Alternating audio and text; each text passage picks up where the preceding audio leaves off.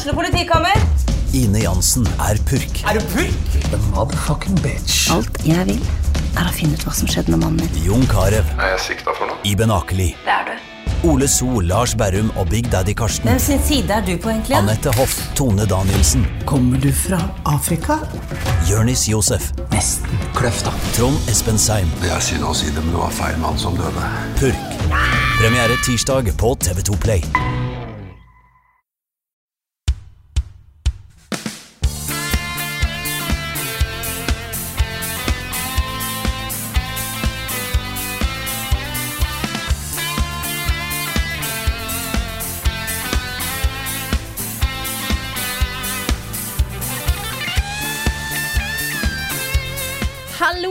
Og velkommen til Romjuls podkast. I dag skal vi snakke litt om eh, året som har gått.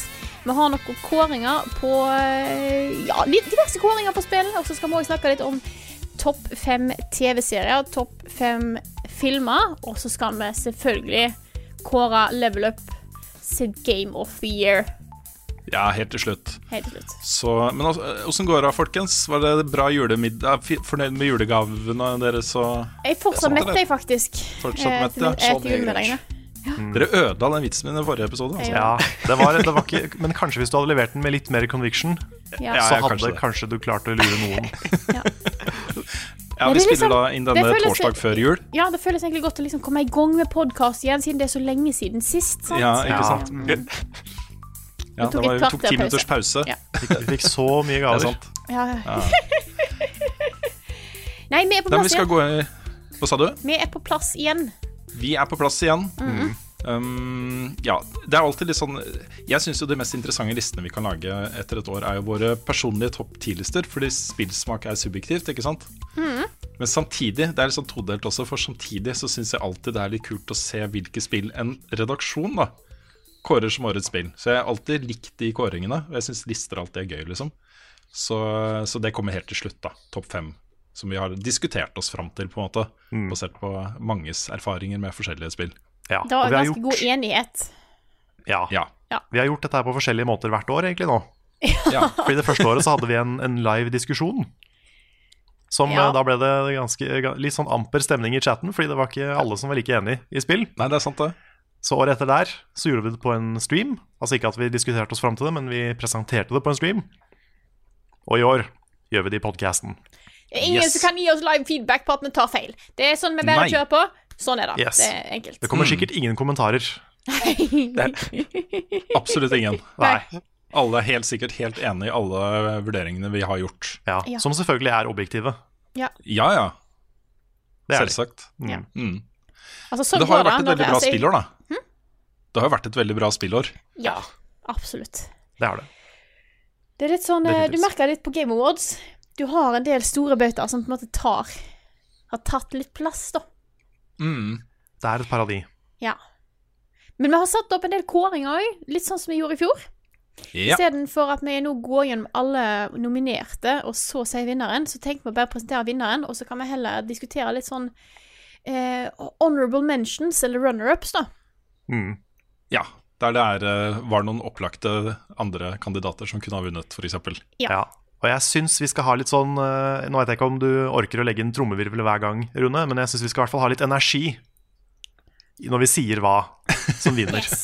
Yes. Ikke Det er derfor folk er her. Det er derfor folk er Ja. her for å høre liksom awards, ikke sant? Ja. De må se Mm. for seg en svær pokal som ikke vi har, Nei. Ja. men som fins i hjertene våre, ikke sant? Ja, det er show.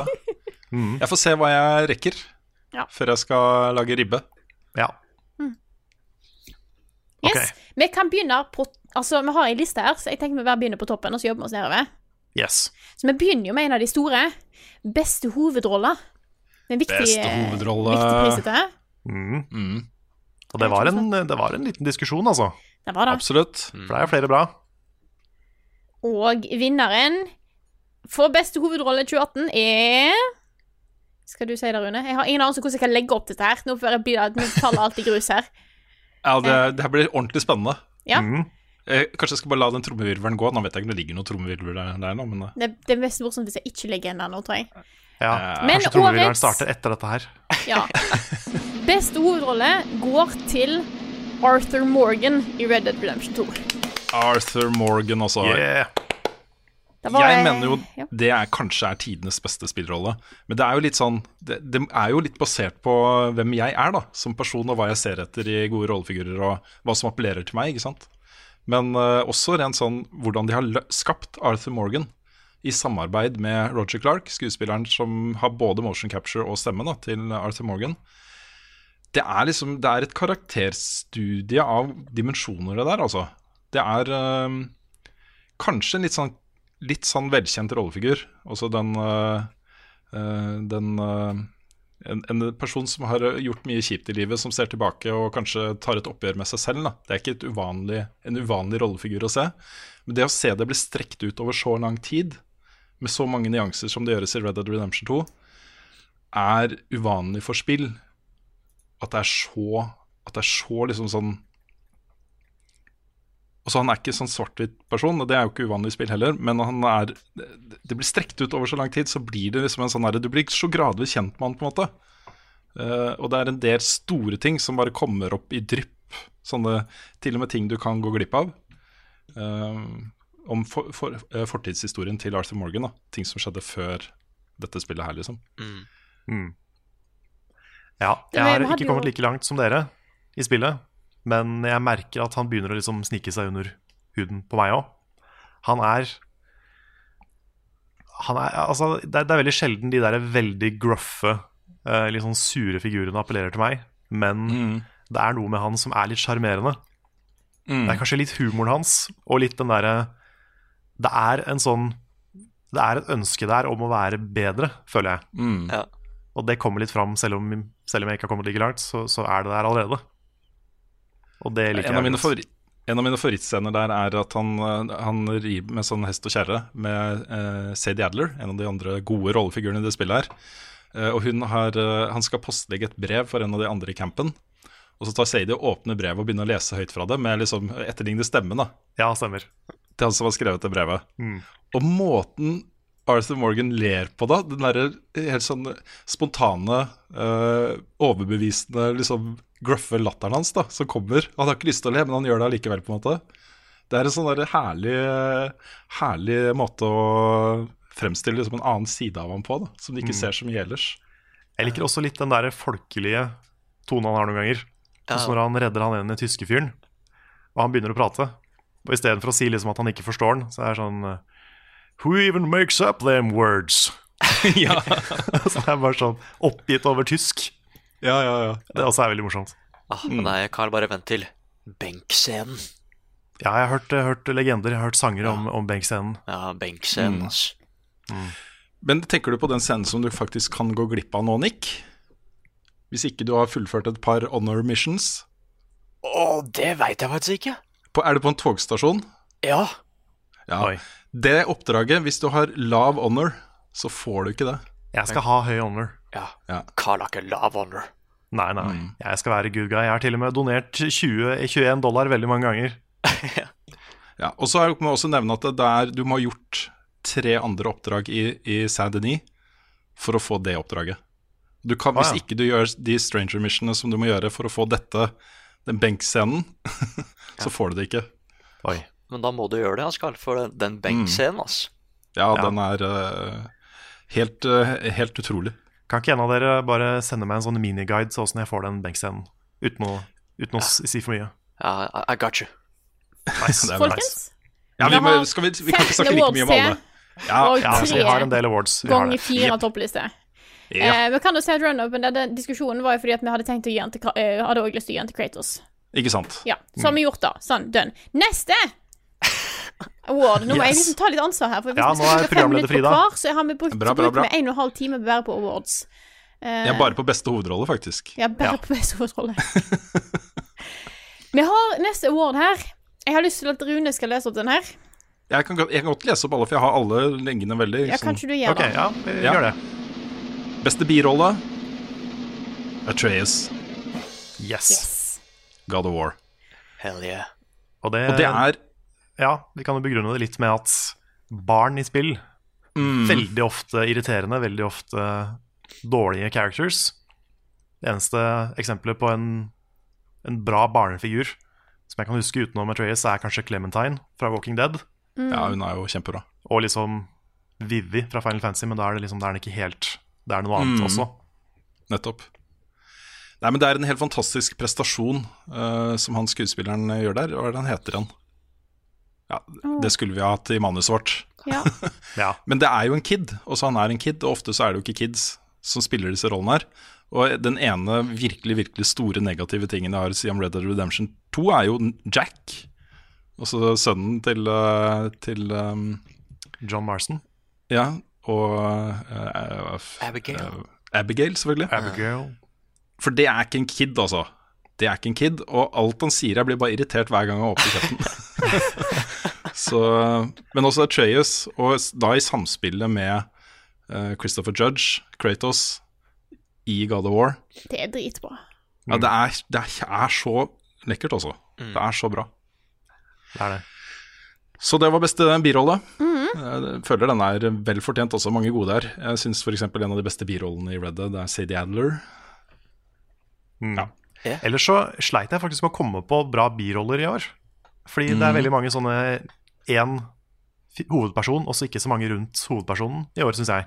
Sånn som jeg tenkte på Monster Hunter, der er liksom den eneste birollen er den der pusen. pussen. Ja, det er Så for så vidt er en, altså. det er en fin birolle, Ja. men den, den sier ikke så mye.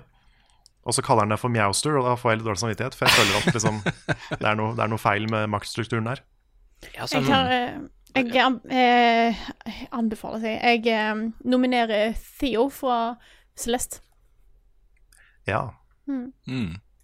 Så er det jo, det er jo noen fine biroller i Octopath Traveler og ja. litt sånn også. Så de fins jo. Men det er, Ja, det og er God of War har mange. Mhm. Mimir, for eksempel. Ja. Herregud, ja, ja. det spillet hadde ikke vært det samme uten Mimir, og uten Brock og Sindri, for eksempel. Det er sant. Det er, ja. Best the girl. Best girl. Yes. Vinneren er Ja, vil du si det først? Jeg kan si hvem vinneren er, så kan dere si Ok. Ja. ja. Vinneren er JJ McField. Yes. Fra The Missing, JJ McField and The Island of Memories. Det er enda bedre hvis du har spilt spillet. Ja, det er, det er vanskelig å forklare hvorfor hun er Ja. vinneren uten å ha spilt spillet. Ja. Men uh, vi bare komme med en eh, varm anbefaling om å, selv om du kanskje har sett starten på spillet, pass på at du får med deg slutten på spillet også. Yes. For der er det noe Det er verdt det. Ja. Takk for den anbefalingen. Vi går videre da. Siden vi har beste girl, så må vi ha beste boy. Og vinneren er boy. Boy. Sjokk der, altså. Sjokk. Det Må var til- igjen. Ja. Men vi må også legge til her, hvis det hadde vært kategorien fluffiest boy, Ja. Mm. så hadde det vært Ralsei fra Deltarune. Ja. For han også, var, han, er, han også er nesten best boy, altså. ja, men når du først har en kategori som heter Best Boy, så kan du ikke ikke gi han til Boy. Nei. Så det er, det er juksa God of War, ja. rett og slett. Men, Det eh, men Ralsei også, vil jeg liksom trekke fram. Eller som Arthur Morgan sier det, boy. ja me the money, boah. Kunne vært en bra sitcom med liksom Arthur Morgan og Kratos som har barn. Ja, det er også. Ja. Neste kategori, beste ensemble. Vinneren er ubestridt, nesten. Ja. Smash. Smish. Super Smash Bros. Ultimate. Det var Ja. liksom lett å gi, det er lett å gi den prisen til eh, Altså den fine pokalen fra hjertene våre til Ja. Ja. Du kan på en måte ikke konkurrere med med 70 pluss Ja, du, du kan liksom ikke konkurrere med det når det er så mange spillserier, så Mm. mange characters, alle er så bra realisert. Ja. Da, da må det gå til Smash. mm. Vi hadde vel ingen andre nominert i den kategorien, tror jeg. Nei, men det, altså, det andre En av de andre Man kunne sagt liksom Dutch Vandelin eh, Gang, for Ja, eksempel. sant. Et Ja. utrolig flott ensemble med både hele spekteret av personligheter, ikke sant. Mm. Men eh, det blir en sånn annen type ensemble, på en måte. Ikke sant? Jeg, jeg skrev Octopath Travelers, men det slår jo ikke Smash. Nei, og så er det Jeg er litt sånn trist for at ikke det er mer interaksjon mellom de i Octopath Traveler. Det er sant. Fordi det kunne vært så mye mer minneverdig hvis de hadde mer med hverandre å gjøre. Føler jeg. Ja. Men uh, ellers så er de liksom De er veldig bra hver for seg. Men jeg skulle bare ønske de hadde mer kjemi. Mm. Jeg ser den. Og så har vi en kategori som viste seg å være litt problematisk, som er beste skurk. Og når vi satt med dette felles Google-dokumentet vårt for å fylle inn forskjellige alternativer der, Dominerte.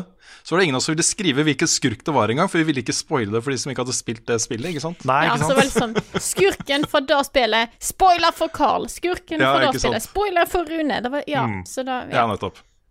Så vi har bestemt oss for å komme med, i den grad vi har en, da, eh, hver vår favoritt. Uten å nødvendigvis si akkurat hvilken skurk det er, men til glede for de som har spilt de spillene og skjønner hvem vi snakker om. Yes. Hvem har lyst til å begynne? Ikke Jeg jeg. kan, Ja, ja. jeg kan begynne, jeg. Ja. Jeg, eh, eh, jeg går faktisk for Badelin, som er mm. main bad guyen i Celeste.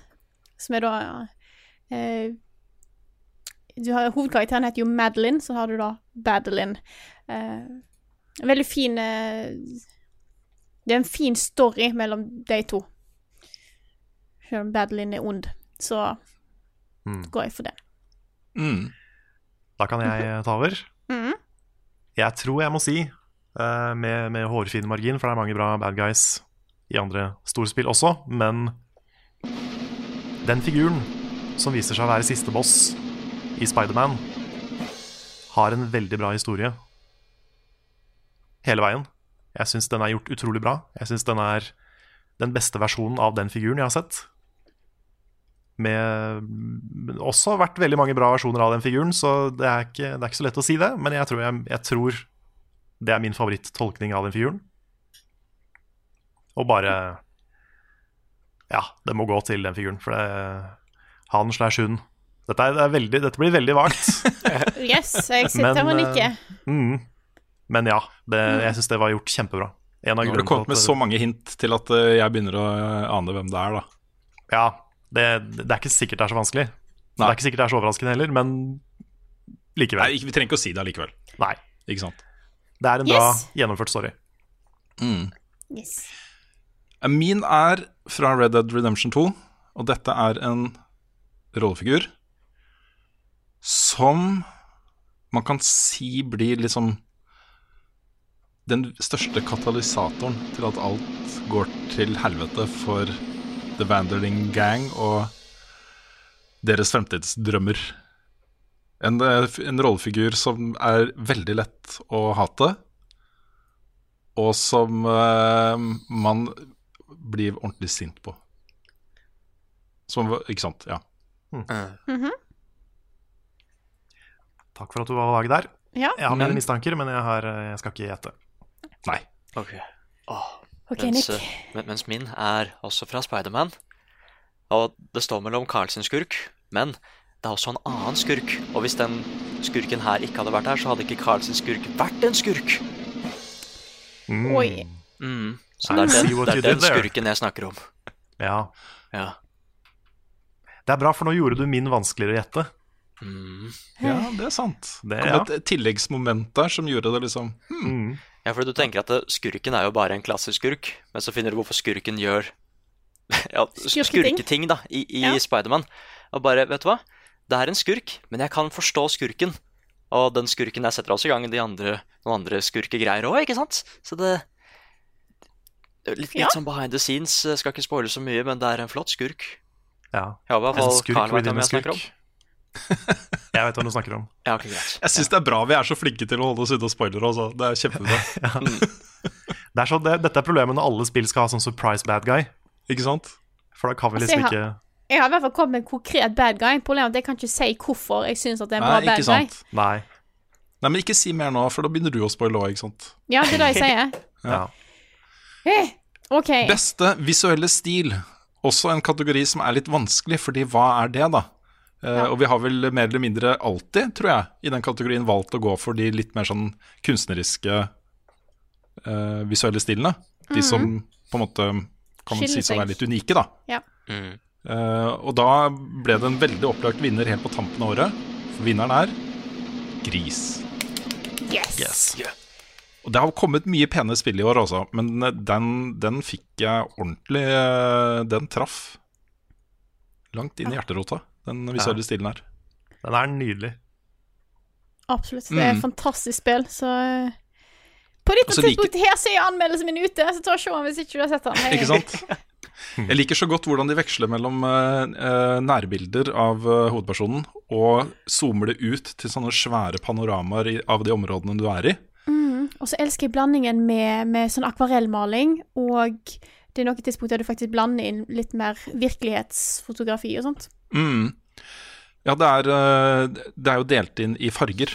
Så du får jo sånn prestasjoner låst opp på Steam. Det er jo rød og grønn og blå og sånn. Det er mm. ja. Veldig bra. Yes. Mm. Vi hadde, vi hadde jo flere gode nominerte der. Ja da. Bare for å trekke fram noen flere. Vi hadde jo Oberdin. Og vi hadde Hva var det andre jeg tenkte på? Octopath Traveler. Eh, Octopath Traveler. Takk, Ja. Nick. Det var akkurat det jeg tenkte på. Ja, kanskje. Mm. Og ja, flere.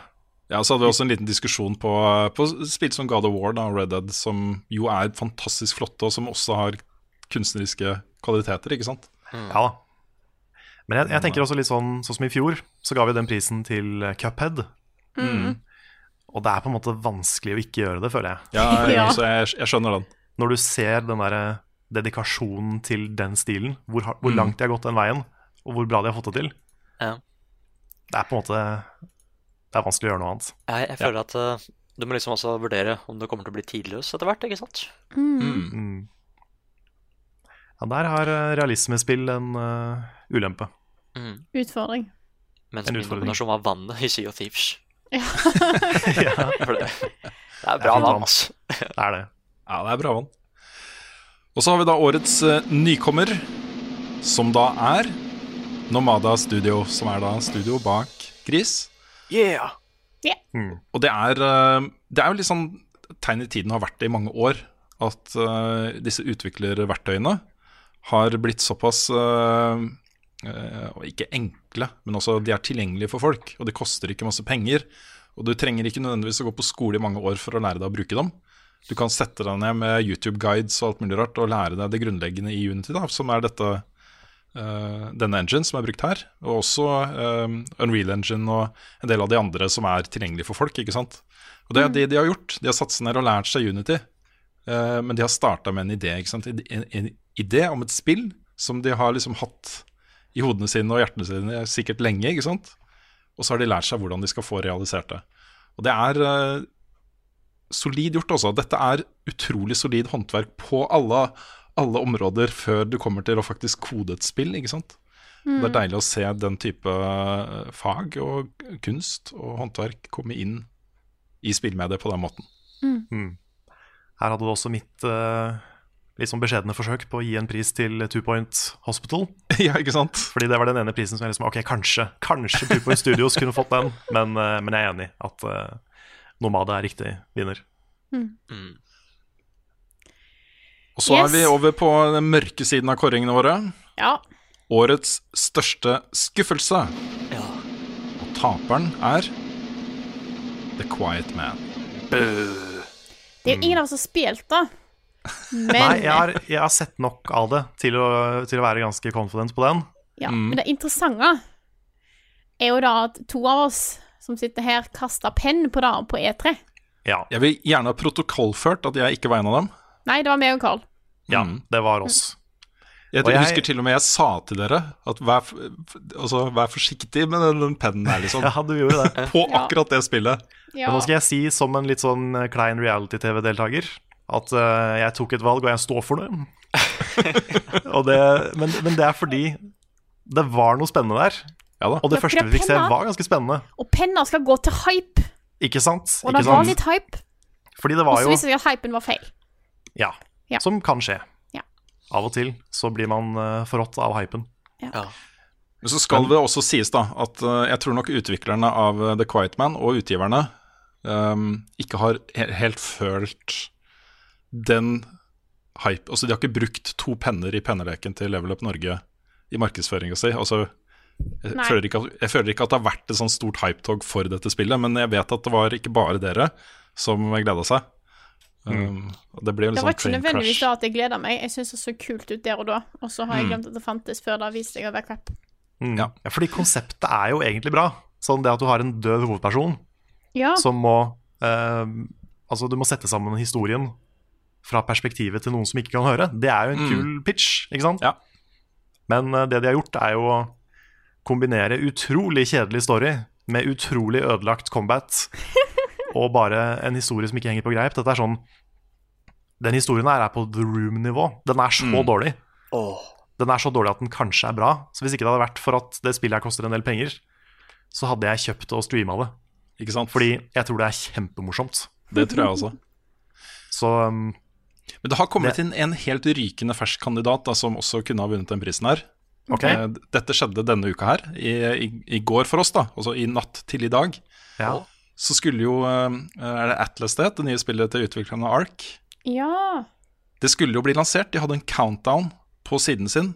Det var, Hvis du går på Twitter og søker eh, Atlas Rising, eh, hashtaggen, så ser du bare tusenvis av mennesker som tweeter om at i kvelden i natt skal jeg streame Atlas, og jeg gleder meg å følge med her. Det satt 100 000 mennesker og fulgte nedtellinga. Også når nedtellinga kom til null, så bare forsvant den. Og de lanserte ikke spillet. Nei! det er helt krise. Det er dårlig, ass. Nei! De Men du kan ikke gi da! Ja, men Du skal bare sett det hypetoget som gikk i timene fram til den eh, count, eh, counteren-telten der. Oh, Jesus Wow, altså, Og så kommer ikke spillet. Men, hva har de tenkt? Nei, jeg tror, nå har de utsatt en uke. Uh, De burde jo folk visst det før de satt på counteren! Ikke sant? Folk er jo eh, Folk tenker jo liksom at eh, Altså, jeg, jeg tror litt Det var jo en del lanseringsproblemer med Ark-spillet. I Early Access og sånt. Um, men så har det jo blitt veldig bra og populært etterpå. og Kommet ut på flere plattformer, og de har lagt i masse nytt innhold, og det har blitt en svær greie, liksom. Jeg, jeg tenker at folk har liksom glemt da hvor problematisk det var i starten, og hvor sure folk var på utviklerne i starten. Fordi de har liksom redeema seg sjøl seinere, da. Men nå er jo alle sånn bare «Ja, Fuck de folka her, liksom. De gidder ikke ha noe med å gjøre. Det er jo, folk er jo rasende, ikke sant? Altså, Én ting er å si 'sorry, vi trenger litt mer tid', en annen er å ha 'vi har skal ha countdown', vi skal ha countdown, og så skjer det ingenting. Det er på en måte Nei. Det er Nei. Det er jo litt som å gi noen en julegave, en spillkonsoll, og så er det bare esken. Ikke Ja. sant? Det går jo ikke. Nei. Så ja, nå er det mulig at spillet er ute, da, siden den podkasten her kommer om en uke. Men uh, ja, men dette er det for, forrige ukes uh, det var et herlig, det var et herlig uh, train crash av et øyeblikk sånn på Ja. tampen av året. Åh, Ja. det, det gjør meg litt fornøyd, egentlig. Samtidig som det gjør meg litt skuffa. Og vi skal ha ha tror- flere Ja, ok. Ja, sorry, skal jeg, skal, jeg skal ikke steal your thunder, Rune. Nei, jeg skal Men- gå videre, så hvis du har noe å legge til, så må du gjøre det nå. Ja, nei, for det er det jeg tenkte. Jeg har en overgang, nemlig. For det er sikkert okay. noen som tenker at ja, men hvorfor snakker dere ikke om det spillet? Ja. Og det er fordi vi har en kategori til. Årets fornærmelse, ja. som går til Fallout 76. Yes. Yes. Spillet som kunne vært. Spillet som kunne vært, rett og slett. Jeg vurderte nesten å putte Diablo Immortal på årets fornærmelse, for det var noen som ikke var så fornøyd med det heller, da det ble vist fram på BlizzCon. Det er i fall veldig veldig korrekt å si at folk ble fornærma Ja. over den annonsementen. Men Det eh, siden det er ikke ute ennå, så er det vanskelig å på en måte Da får heller ta, får ta det til neste år. Ja, kanskje vi allerede har vinneren neste år. Ja. Ja, men følg litt med på Blizzard nå, altså. Aksjekursen går ned, Mike Morhaime har slutta. Eh, kommer rapporter om mye murring internt. Eh, folk satser på liksom Ikke sant? Folk satser på De, de velger å satse på mobilspill, eh, som Diablo Immortal. Det er ting og tang, tang på gangen der, altså. Det er det. Men ja, Ja. Fallout 76, hva kan man si som ikke har blitt sagt? Å nei, da er ikke så mye igjen, tror jeg. Nei. Jeg tror de prøvde. Ja. Jeg er ikke Ja. sikker på om de prøvde. Jeg tror fortsatt at de prøvde, og så ga de opp eh, sånn halvt år før lansering, tror jeg. Åh. Ja, men jeg tror de hadde, de hadde selvtillit på E3, Ja, det Ja. tror jeg også. så de må ha gitt opp etter det. Ja, tenker jeg. kanskje. For da sto jo han eh, Hva heter han igjen? Han, han, Todd Howard. Han, Todd Ja. Howard sto jo på scenen og bare skrøt det spillet her oppe i skyene. Og bare Mm. 'Dette her kommer til å bli stort'. It just en egen, egen livestream som hypa det opp. Ja da. Det er jobben, altså. Jeg, altså- eh, jeg så nettopp en Ja. eh, Ja, det er jo da. Jeg så nettopp en sak om at folk ikke er fornøyd, for nå har de lagt til en del sånne der, juleting. Og det koster jo noe så inn i granskauen mye penger. Ja, Men de må jo kompensere for at det ikke Det er så mange som spiller det, ikke sant? Så hvis du vil ha Så noen de- julegreier og har lyst til å betale 150 kroner for det, så er det bare å sette i gang. Yes. Men Ja, jeg tror rett og slett at de må gjøre folk enda mer pissed for å få tilbake pengene sine. Greit, vi Yes. går videre til hyggeligere ting. For Ja, eksempel kan, jeg, årets kan, jeg bare komme inn, kan jeg bare komme inn med ett, en fornærmelse til? Ja, det kan du. Og det kan hende jeg fornærmer noen med denne fornærmelsen, Oi. Men jeg tror jeg er ganske safe for de fleste. Fordi det kom et spill i år som het Harry Potter Hogwarts Mystery. Ah. Der hvor du måtte enten vente i mange timer mens et barn ble kvært, Ja. eller betale penger for å redde barnet.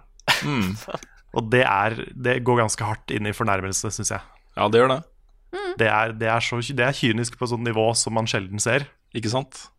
Jeg bare ser for meg de stakkars barna som sitter og spiller og bare ser karakteren sin bli forsøkt drept og kvært i real time, mens de må vente i timevis for å få gjort noe med det. Ja, det er helt håpløst.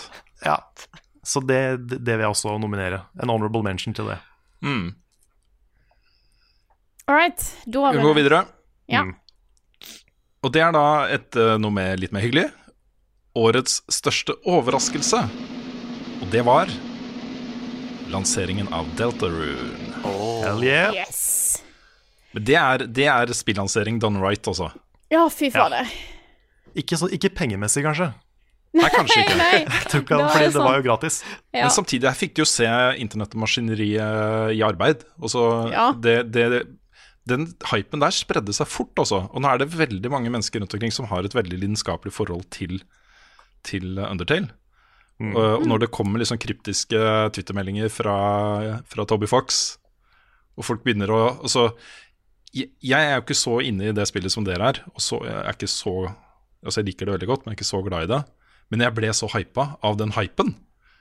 Og så den der frenetiske tvitringa som gikk fram og tilbake mellom folk, og den derre veldig åpenbare 'vi kan ikke si hva dette er for noe' tingen, liksom. Den derre veggen av secrecy, da, som, hemmelighetsskremmeri, som var mellom det faktiske spillet og uh, det som ble sagt offentlig om det. Ja. Det var herlig å bivåne, altså. ja, Den følelsen av å liksom laste ned det du tror er en survey, altså en sånn et spørreskjema, egentlig, i en XE-fil, og eh, starter det opp og får noen spørsmål, skal lage en character, og så plutselig så er det et fire timer langt spill. Ja. det har jeg bare aldri opplevd noe sånt før. Og det er liksom en Det er er liksom- relatert til Undertale, men du vet ikke hvordan det er relatert til Undertale. Og jeg synes det som er på en måte beste med lanseringen her, at hvis det hadde vært en stor Excel-fil, så hadde du skjønt det. Men når det er Ja. Excel-fil på 73 megabyte, eller hva det nå var, så kan det jo være hva som helst. Ja. Mm. Og jeg satt jo bare og venta på at liksom, ja, nå er det sikkert ferdig snart, for nå skal jeg ned og møte Frida på Oslo S, og så skal vi ha Tilcast. Men så bare fortsetter og fortsetter og fortsetter det. mm. Og det er et fullt spill, liksom. Altså Det føles jo som en første episode av noe, som det er, men det er også et fullt spill. Mm. Det har en begynnelse og en mid middel og en slutt, liksom. Mm. Så det, det, det er nok en av tidenes største overraskelser for min del når det kommer til spill. Ja, det er helt herlig. Mm. Yes, neste Yes, kategori. neste. Mhm. Beste norske spill. Yes. Der, er det, der er det faktisk en del bra å ta av eh, i år. Men Mhm. det som gjorde størst inntrykk på oss i 2018, var My Child Lebensborn Yes. fra Sarepta Studio. Og det er jo Verdens- eh, Lars har jo snakka en del om hvor mye han grein av det spillet. Det har gått hardt inn på flere, flere av oss andre også. Mm. Her følger du da uh, ett av to barn, du kan velge, en gutt eller jente, som er da eh, født av norsk mor og tysk soldat. Og Lebensborn-prosjektet var jo noe av det kjipeste disse nazistene holdt på med under andre verdenskrig. Og det var jo å rett og slett dyrke fram den ariske rase ved hjelp av kvinnene i landet de okkuperte, ikke sant. Så det er, det er så mye her, og eh, veldig relevant for i dag. Eh, mobbing i skolen.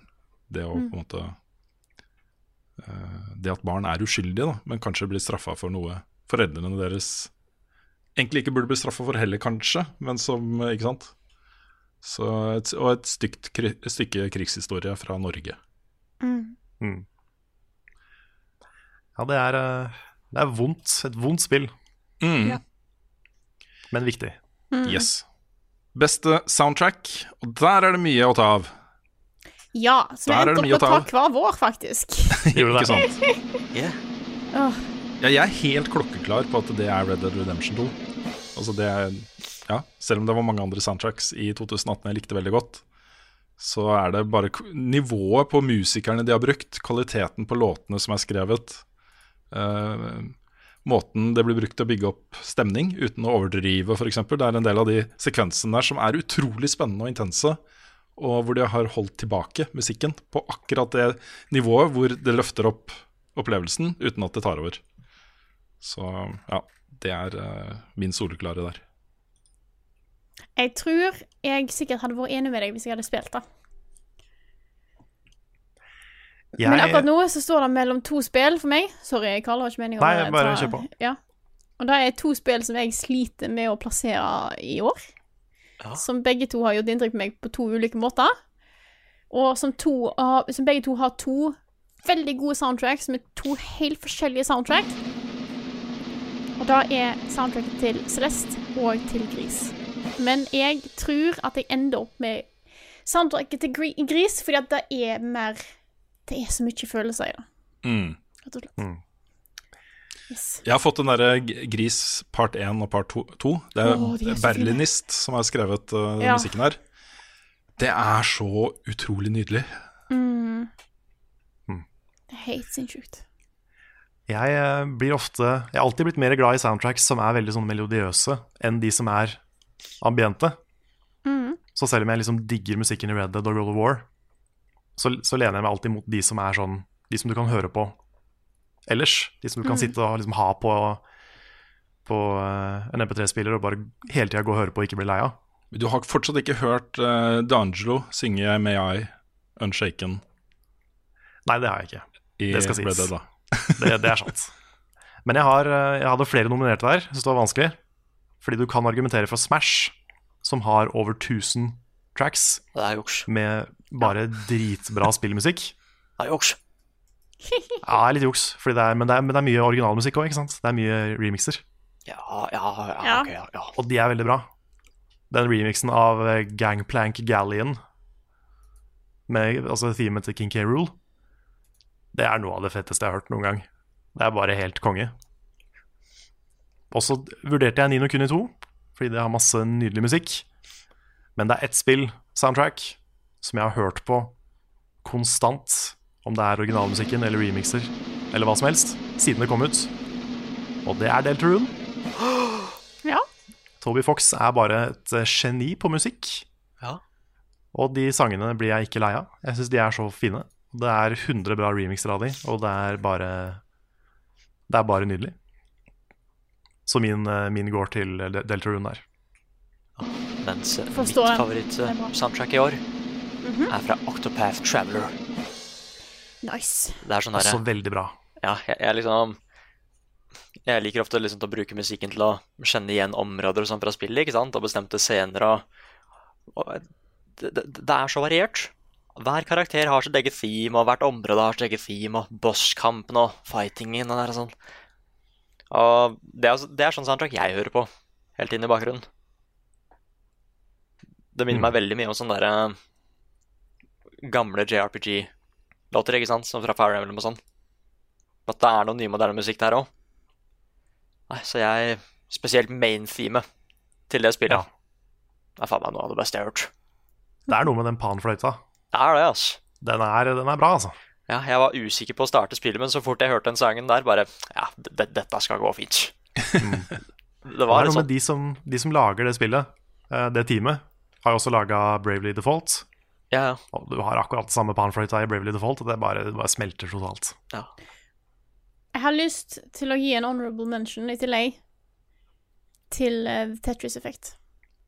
Mm. Ja. For musikk Det er egentlig mest lydbildet, hele greiene. Interaksjonen mellom lyd og gameplay der. Mm. Spot on.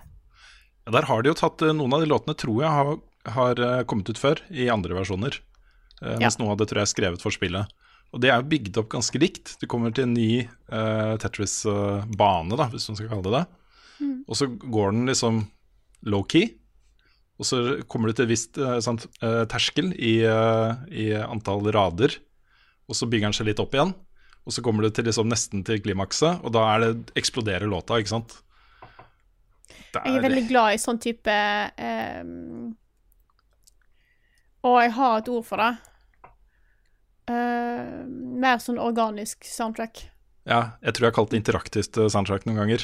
Mm. Det er også sånn at noen av disse banene her så kan du jo velge å plassere Tetris-brikkene i takt med musikken. Fordi de lager musikk som pass, nei, de lager lyder da, som passer til musikken, ikke sant. Mm. Så da får du plutselig Så sitter du og eh, spiller et rytmespill istedenfor et uh, blokkpuzzle-spill. Ja. Så det er nice. Vi går videre til eh, årets comeback, og dette er jo en kategori som uh, kan bety mye rart. Fordi man kan jo si at Red Dead Redemption 2 er et comeback. Det er jo åtte år siden sist. Ja. Man kan si at God of War er et comeback. Ja. Ja, da, det er kanskje mer for God of War, for Red Dead 1 var så bra. Ikke sant? Så jeg tenker at Ja. altså, God of War også har vært bra, men det Ascension, var ikke det ganske dårlig? Mm, ja, det er ikke dårlig, men uh, Mindre ikke- bra. mindre bra. Ja. At det er en sånn, en sånn hevelse av det, da. Mm. Man kan også si at, uh, at eh, Dark Souls remastered og Shadow of the Colossus remastered er et comeback. Ja. Mm. Men vinneren av årets comeback, pokalen vår den Fra hjertene våre. Fra hjertene våre. Må bli Tetris-effekt. Ja. Ja. Og det er, det er rett og slett fordi her har du et eldgammelt spillkonsept som ikke har endra seg en dritt siden det kom ut. Det er de samme brikkene, det samme eh, mekaniske gameplayet, Samme brettet. samme brettet, ikke sant. Alt er likt, bortsett fra da innpakningen som blir gjort på den måten her. Som da løfter, og som sier noe om, eh, om eh, det evige unge konseptet Tetris, som fortsatt kan engasjere i dag, i 2018. Jeg og, eh, jeg og Petter hadde nylig en samtale om på en måte hva Hvis du skulle tatt fram et spill du ikke skulle, ville endre noen ting på, og det er mange spill i den serien, men det første jeg kom på, var Tetris. Mm. Yes, vi er nesten gjennom. Eh, Siste Yes. kategori fra oss i denne runden er årets våpen slash gadget. Og det var også ganske enstemmig. Det måtte bli Leviathan Axe fra God of Yes. War. For et tilfredsstillende våpen. Yes. Ja. Det gjør hele det kampsystemet. Ja, det gjør det. Det, er veldig, det har vært veldig gøy å høre Corey Barlog snakke om utviklingen og introduksjonen av det våpenet i etterkant. Fordi det ble jo introdusert som en av hans hjertebarn. Jo, vi skulle ha den øksa. Selv om det, Kratos ikke har brukt en øks før, så skulle han bruke den øksa. Og du skulle kunne kaste den og få den tilbake. og det funka jo ikke. På to år så funka jo ikke det. Det føltes ikke godt i det hele tatt. Før det plutselig gjorde det, da. Og alle skjønte hvor genial han var, ikke sant. Så ja, det er et helt herlig våpen også. Og så kan du jo oppgradere det underveis med runes og enhancements, som, eh, som gir også Jeg føler ikke at det er knytta til øksa, men det er jo det allikevel, på en måte. Men eh, sånn special powers da, som du kan få, som du må velge. Er Skikkelig øks. Mm. Oh, yes. Det er bare det at den liksom, du kan sende den øksa av gårde, treffe noe langt unna, og kalle den tilbake, og treffe fiender på veien tilbake. Ja. Ja. Det er så fett. ja, du kan bruke det taktisk, til og med. Ja, ja. Det var mindblowing første gang. Jeg syns det er så gøy, for det jeg liker best, er lyden når øksa kommer tilbake igjen. Ja, når Jeg bare Ja. Mm. boom, sånn skikkelig sånn Åh, Jeg digger den lyden. Det er så tilfredsstillende, spesielt hvis du liksom har fullført en svær kamp, ikke sant. Og så Ja. bare endrer du med at Å ja, la meg bare få tilbake den øksa her. Yeah. Ja, Jeg likte å ofte avslutte de kampene med bare nevene. For det også var veldig tilfredsstillende i det spillet. Bare slåss med bare nevene. Mm. Uh, og så er man ferdig, og alt er borte. Ikke sant? Du har tatt alt, og så går du videre. Og så kommer du går godt på vei, for du husker bare 'Å, øksa mi'. Og så trykker du trekant, ikke sant? og så hører du langt unna at den begynner å snurre rundt i lufta. Ikke sant? Og tar, tar da den ekstra tida det tar fordi den er langt bak der, og kommer tilbake. Men han kommer tilbake. Tenk på alle de uskyldige folka som bare blir treffet av den øksa på veien. ja. det er ikke så mange uskyldige folk i den verden, da. Må jeg Nei, det er ikke det. Ah, Det er- men, det er det, er liksom, det er en av de beste øyeblikkene. Har dere sett den derre Det er en scene i den første Avengers-filmen da Thor skal få øksa, nei, øksa si, hammeren sin når han slåss mot Hulk. Hvor han bare strekker ut armen og bare venter i et par sekunder. Det er akkurat det samme øyeblikket der. Du bare venter på at den øksa skal dukke opp, og du kan høre skaden den gjør på veien, liksom. Ja, det er kult. Er det. Før vi går videre til um, eh, filmer og TV-serier, så har det også vært uh, opptil flere uh, avstemninger på Level Up Community om hva som var årets beste spill. Og det kunne jo, det, det kunne jo medført en del problemer for oss hvis eh, disse avstemmingene eh, hadde forskjellige resultat. Men de har vært ganske enstemmige, alle sammen. Eh, og topp tre der er på førsteplass Nei, vi kan si på tredjeplass Super Smash Bros. Ultimate. På andreplass God of War. Og på førsteplass selvfølgelig da Red Dead Redemption 2. Og der Vi ser det samme tror jeg overalt i hele, hele verden nå. Folk diskuterer da Red Dead eller God of War. Ja. Det er en, ja. Det var en yes. veldig, veldig obvious eh, gjesp, Frida. Sorry, jeg er skikkelig Jeg kommer har sånn- sovet skikkelig lite, i natt. Ja, det går bra, det går bra, det går bra. Nei, vi eh, kan gå videre. Nå skal jeg spille noe musikk fra et eh, spill som ikke jeg vet eh, hva er ennå. Det finner jeg ut når jeg klipper det sammen. Men det blir jo ikke vanlige vignetter, men det blir en av de flotte låtene fra, fra Har dere et forslag? Jeg kan sende deg noe, noe Deltarune eller noe Nino eller. Kuni eller noe, jeg, altså. Undertale eller Ja, Nei, men nå, jeg, nå kommer det i hvert ja. fall uansett flott, flott musikk.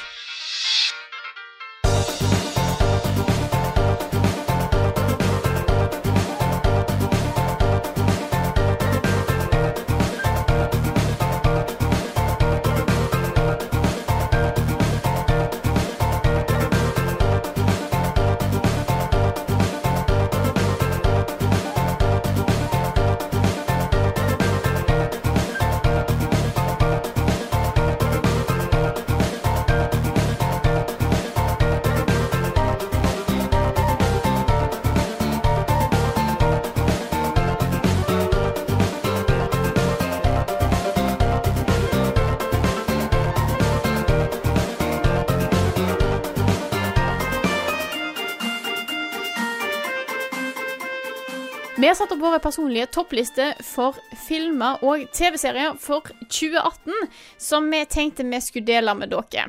Så da begynner Yes. vi med film. Du har sett mest film i år, kommer vi vel fram til, Rune. Ja, det er mulig, det. Ja. Jeg har fått sett nok film til at jeg må ha både honorable mentions og topp seks istedenfor topp fem. Oi.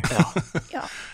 Um, og så vil jeg også legge til, da, eh, før jeg kommer dit, at eh, det er noen filmer jeg ikke har fått sett ennå, som jeg tror lett ville havna på sånn liste. På å ta det kjapt, Jeg har ikke sett Bohemian Rhapsody, som jeg gleder meg til å se. ja. Ikke sett First Man, som jeg gleder meg til å se. Isle of Dogs, det er helt utrolig at jeg ikke har fått sett den ennå. Oh, den Jeg har ikke sett, ikke sant? Jeg har ikke sett A Quiet Place. Nei, Og den vil jeg se. Ikke sett Grensen, som er den nye filmen til han som har lagd La den rette komme inn. å, den er bra. Og ikke sett Spiderman Into the Spider-Verse. Åh. Nei. Så det, det skal, de skal ses. Men jeg har uh, uh, Ja, uh, ta nå honorable mentions først. Three Billboards Outside Ebbing, Missouri er en helt utrolig nydelig film. Det er en honorable mention, dette her. Jeg bare nevner det. Først og fremst pga. skuespillet. Frances McDormand, Woody Harrelson, Sam Rockwell. Helt insane skuespillerprestasjon der. Ready Player One likte jeg veldig godt. Black Panther likte jeg også veldig godt. Og så må jeg også nevne et spill som jeg anbefalt eh, spill, en film som jeg anbefalte i forrige uke. eh, The Ballad of Buster Scruggs. Jeg bør også få en honorable mention. Så er det da topp seks. Jeg visste ikke helt hvor jeg skulle plassere Avengers Infinity War, så jeg plasserer den der. Den er et sted på lista, liksom, kanskje på toppen, eh, men den er, det må være der, på en måte. Ja. Um, helt utrolig kinoopplevelse, rett og slett. Det, som, det eneste som gjør at jeg ikke automatisk bare plasserer den på toppen, er at, at uh, jeg setter mer pris på det som en kinoopplevelse, tror jeg. Også det å sitte i salen og bli liksom skylt over av den filmen. Kanskje mer enn kvaliteten på historien som fortelles. Jeg vet ikke. Men jeg likte den veldig godt. Så da på femteplass eh, en film fra en regissør som heter Lynn Ramsey. Og hun har lagd en annen film som jeg også vil anbefale hvis dere ikke har sett den, som heter We Need to Talk About Kevin. Fantastisk film. Eh, det handler om eh, en mor som har en sønn som er i ferd med å bli bare ond. Altså sånn type eh, school shooter-ond. Oh. Mm. Det er en utrolig sterk eh, film. Og Denne filmen er også veldig sterk. Den heter You Were Never Really Here, med uh, Joaquin Phoenix i hovedrollen.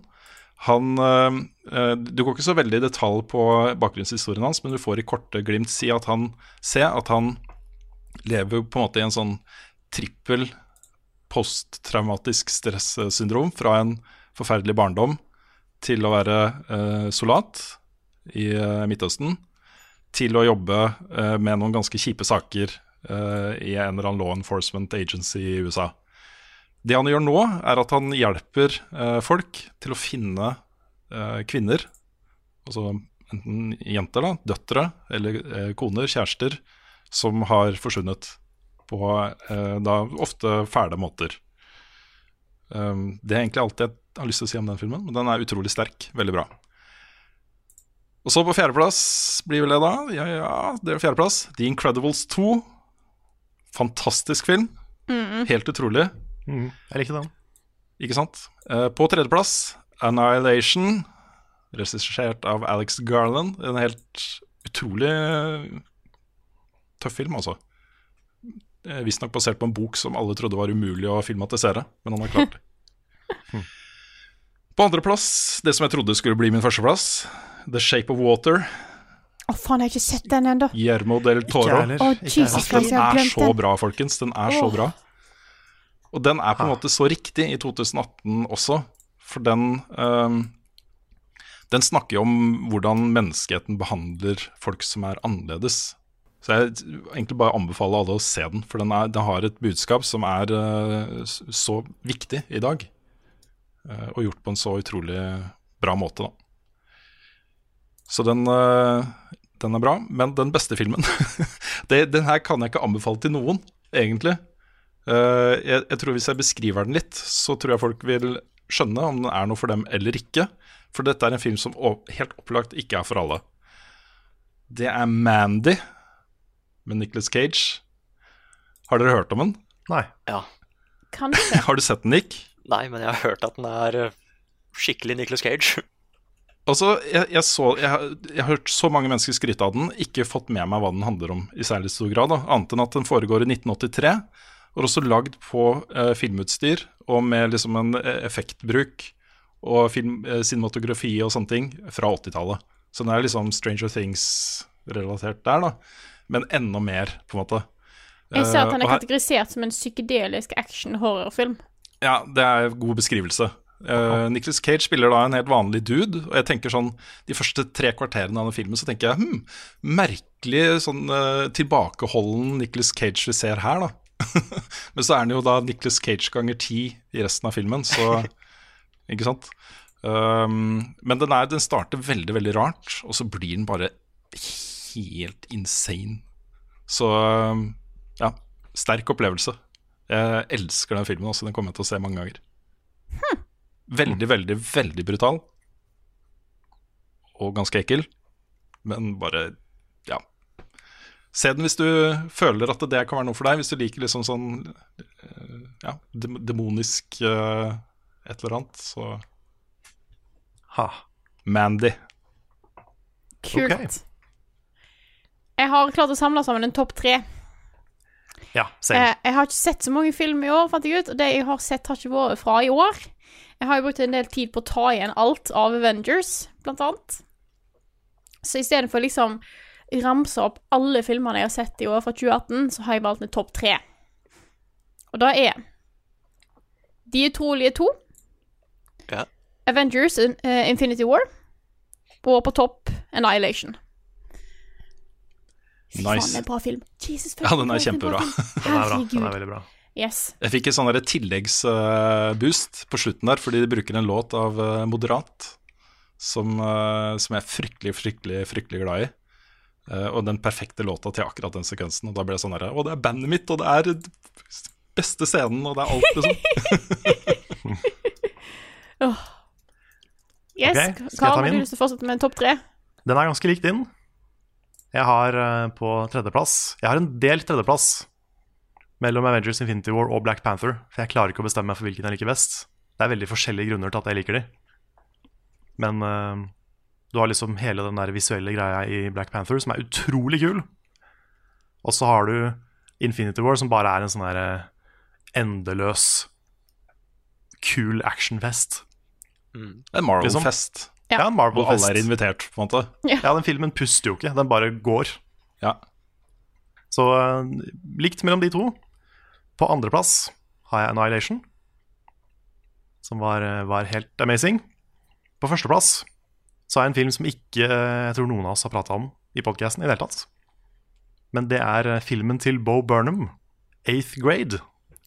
ja, nettopp. Den, ja, den har jeg ikke fått sett. Nei, jeg har ikke sett den, i heller. Den den er den er veldig, veldig bra. Og den er uh, klein på en sånn måte som er veldig ekte. Den er en sånn, det er nesten en litt sånn psykologisk skrekkfilm om å være 14. Mm. Ja, for da jeg hørte det her fikk, fikk ros for, var at han føltes som en av de beste, faktisk, beskrivelsene av hvordan, når, du- altså når du er den alderen der, som bare er klein. Ja. Og det er sånn det, det Skam har fått veldig mye ros for, som det også fortjener å få mye ros for, det er jo det. Mm. At det faktisk klarer å kapre litt den derre følelsen og stemninga av å være ung. Men den filmen her er enda mer ærlig, kanskje. Og den er veldig sånn Den minner deg på alle de tinga som ikke er glamorøst med å være ung i det hele tatt. Og ja, det, det er veldig sånn skal man kalle det? Litt sånn empatisk cringe. Hvor du bare kjenner igjen alle de der ekle tinga med å være ung. Mm. Um, måten man presenterer seg på sosiale medier kontra måten man er på. Og bare den der eh, følelsen av å skulle gå på en fest med masse fremmede folk som kanskje ikke egentlig vil ha deg der. Og folk som er eldre enn deg, som er kule, men samtidig kanskje litt truende. Det er så veldig mye som er gjort så utrolig bra. Så det er, det er nok den beste filmen jeg har sett i år. Kan jeg komme med en liten digresjon, Mm. uh, basert på den å presentere seg i sosiale medier? Jeg leste en sak i Dagens Næringsliv som, uh, nå nettopp som går på uh, en ny trend da, eh, på sosiale medier. Hvor du har unge mennesker som vil bli influencers. Og for å bli det, så lager de fake reklamekampanjer for produkter. da. De later som om de har blitt sponsa. Ja. Og lager liksom sånn flotte photoshoots av produkter og takker for uh, ting, og får det til å fremstå da, som om de er faktisk sponsa. Og det er så, jeg syns det var så kult også å se hvordan det påvirker hele influenserøkonomien og økosystemet. Fordi nå begynner brandsa å, å bli liksom tenke seg om flere ganger da, før de begynner å liksom bruke penger på influensere. Mens, uh, mens liksom hele, altså folk går rundt og bare Det å være sponsa har blitt en sånn derre ting som gjør at du blir kul på skolen og sånne ting. da. Og det er både litt den derre Dette er i ferd med å implodere, føles det som. Ja. Men også Shit, dette her er, ganske ekkelt. Ja. Dette er, ja, dette er sånn marerittkapitalisme. Ikke sant? Så jeg, jeg vil bare nevne det. Det er, eh, Wow. kan hende at vi ser begynnelsen på slutten på influencer-tingene, folkens. Ja. Bo Burnham har jo en joke om det i det showet sitt i Make Happy. Mm. Hvor han uh, begynner å spille av en sang om Flaming Hot Cheetos. Yep. Som bare reklamerer masse for det. Altså, jeg, er ikke spons jeg er ikke sponsa av dem, men jeg prøver å liksom bli det. Ja. Mm. Så det er litt sånn.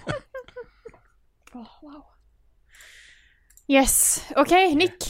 Ok, for mine Jeg, jeg visste ikke at vi skulle ha topp fem filmer. Men da, da fant jeg noen og lagde en rask liste. Ok, Ok? Og på femteplass, da, der har jeg Annihilation, da. Mm. Yes. Mm. Ja. Jeg likte den filmen veldig godt. Dritskummel. Ja. Det var en sånn Ja. derre Det er en bjørn der som jeg Bjørn. Uff, nei. Ah. Bjørn. Ja, bjørn, bjørnescenen generelt, egentlig.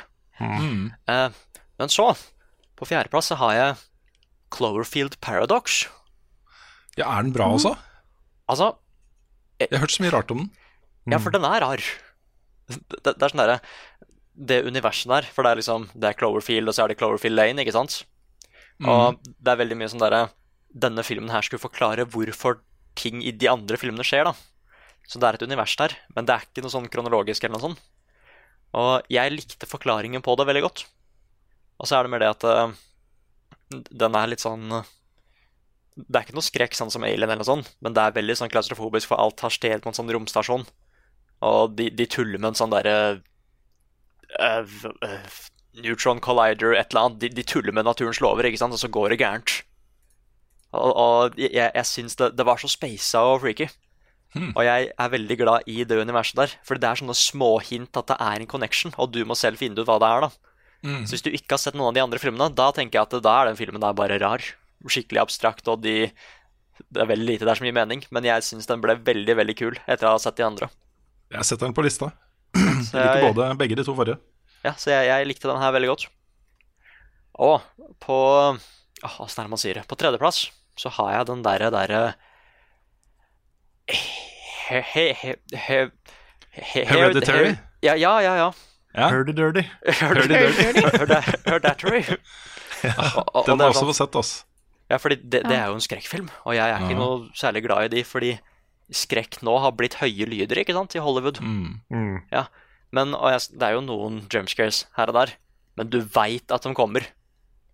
Ikke sant? Det er ikke noe at det bare plutselig så var det et eller annet her. Du skjønner at ok, greit, om et par sekunder nå så skjer et eller annet, så jeg rekker å holde meg for øra, ikke sant? Mm. Men det som er så ekkelt med denne filmen, er at uh, det skjer så veldig mye i bakgrunnen til scener som ikke er i fokus. Og det syns jeg er skikkelig ekkelt. Har dere sett den der filmen It Follows, for eksempel? Nei. Nei. Nei. Vet dere hva den handler om? Nei. Ah, Uffa meg, altså. Eh, Det handler om at det er et vesen som følger etter en person. Det, det er en curse, rett og slett, hvor et vesen følger etter deg som går sakte, men sikkert mot deg. da. Og det de pleier å gjøre i den scenen i, de, i den filmen der, er at i enkelte scener i bakgrunnen så ser du en person som bare sakte, men sikkert går mot kamera til hovedpersonen.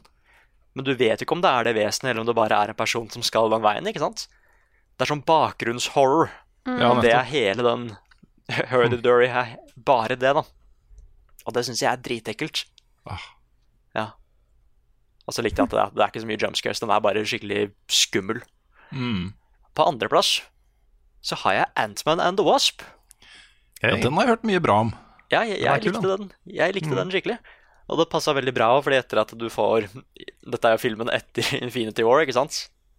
Det var veldig, veldig sånn fin eh, pustepause. For det er jo bare komedie, liksom. Mm. Jeg likte skurken veldig godt, og halvparten av det er også fordi at det er en karakter der som heter uh, uh, Louise, tror jeg han heter. Spilt av Michael Pena. Vet du hvem jeg snakker om da? Ja. Ja, han er veldig, veldig morsom. Og så har uh, Ant-Man and the Wasp har den beste Stanley-cameoen. Den er Også- dritmorsom. Og så er det forholdet mellom, eh, mellom han og dattera hans Ja. veldig bra. Mm. Det er et av favorittforholdene liksom, mine i Marvel. ja, altså er det Paul Rudd, ikke sant? Ja, Paul Rudd. Paul Rudd, Paul Rudd er best. Ja, I love him. Mm. Og helt på slutt da så har jeg jo på førsteplass Infinity War. Mm. Den, den filmen var crazy. Crazy var den. Ja, den var crazy, ass. Og jeg, og jeg syns det var så gøy, fordi det var så veldig mange sånne, topp, eh, sånne topplister. ikke sant? Bare hva kommer til å skje, hvem kommer til å overleve, hvem kommer til å dø, ikke sant? Og jeg syns det var så veldig gøy med at eh, med en gang den filmen liksom var lansert, og folk fant ut ja, hva som hadde skjedd med enkelte karakterer og sånn, at det var så gøy. Det, det, det er så mange overraskelser og sånn. Til og med hvis du kan historien til tegneserien, så er det fortsatt superspennende. Mm. Åh, nei, jeg digger den filmen. Og det er Jeg vet ikke, det, det kan godt hende at det er favoritt-Marvel-filmen min, altså. Jeg, jeg så det ikke komme. Nei. Og jeg digger Thanos som skurk. Jeg syns han er så ekkel. Mm. Han er sånn der eh, han, er, han er litt sånn abusive dad-type. Han Mm. er besatt av en idé Ja. og en visjon. uh, og det Og det er ganske fucka, egentlig. mm, Ja, ja, ja. Men du, du merker at han har eh, Han er fullstendig overbevist om at da han gjør rett. Mm. Til det punktet der du kan ikke på en måte prøve å argue eller diskutere med han. Nei. Ja. Det er litt, litt sånn religiøs ekstremist, på en måte. Mm. Mm. Det Det er så mange har sagt at han er hovedpersonen i den filmen, ikke sant? Og det Ja, det stemmer, liksom. Mm. Nei, så nei, det Infinity War er min favorittfilm i år.